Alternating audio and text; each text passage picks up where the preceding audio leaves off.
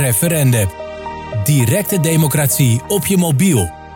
Op 24 januari 2023 debatteerde de Tweede Kamer over een wetsvoorstel waarmee decentrale loting mogelijk zou worden in het hoger onderwijs. Met het idee dat hiermee de kansengelijkheid binnen het hoger onderwijs zou toenemen. Sinds 2013 worden aspirantstudenten geselecteerd op basis van minimaal twee kwalitatieve criteria, zoals een cijferlijst en motivatiebrief. Deze werkwijze zou de diversiteit en kansengelijkheid binnen de studentenpopulatie hebben verminderd. Het voorstel is om loting toe te voegen als een extra selectieinstrument, wat volgens de voorstanders zou helpen bij het eerlijker verdelen van opleidingsplekken. Het wordt gezien als een manier om het selectieproces flexibeler te maken, waarbij loting wordt gecombineerd met andere selectieinstrumenten, zoals bijvoorbeeld een toelatingstoets. Voorstanders benadrukken dat loting kan helpen om de selectie zo eerlijk mogelijk te maken, waarbij iedereen dezelfde kansen heeft om toegelaten te worden tot een opleiding. Ze zien loting als een manier om de kansengelijkheid te vergroten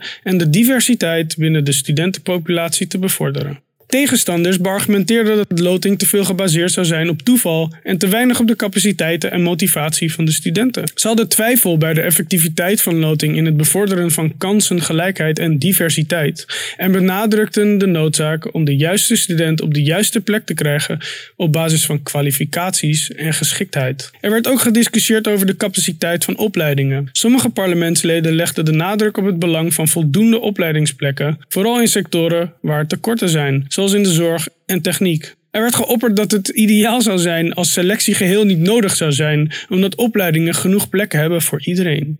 Bovendien werd het idee van een externe toets op de selectieprocedures besproken, waarbij sommige leden van de Tweede Kamer het belang van een dergelijke toets benadrukken om de eerlijkheid en transparantie van het selectieproces te waarborgen. Het wetsvoorstel wordt op 7 februari 2023 met 141 voorstemmen aangenomen. Nu is de vraag: wat vind jij? Download nu de app voor iOS en Android. En herwin je waardigheid als burger van een soeverein Nederland. Referendum. Laat je stem gelden. Altijd.